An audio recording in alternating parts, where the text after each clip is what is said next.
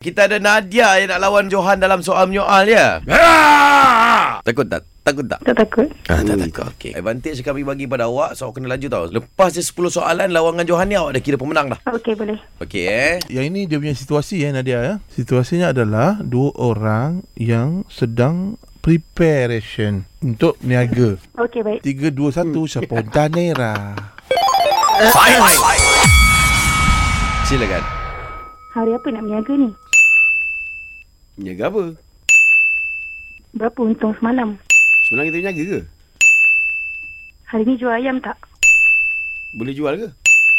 Semalam rugi tak? Apa dia? Semalam jual apa? Macam ulang je soalan tu. Mana- eh, Ha.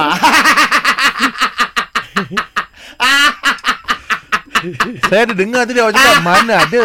Okey, fine, fine. Okey, Johan, awak menang. Eh, eh, eh. Apa tunggulah. Pagi-pagi tak kita nak nyaut. Awak ingat senang macam tu je. Johan? Ray, nanti datang punya aku menjaga ni. Niaga apa? Oh, Johan. Eh, sekejap, sekejap. Ada budak perempuan ni panggil aku. Dek, abang tak buka lagi lah, dek. Ha, sibuk je lah.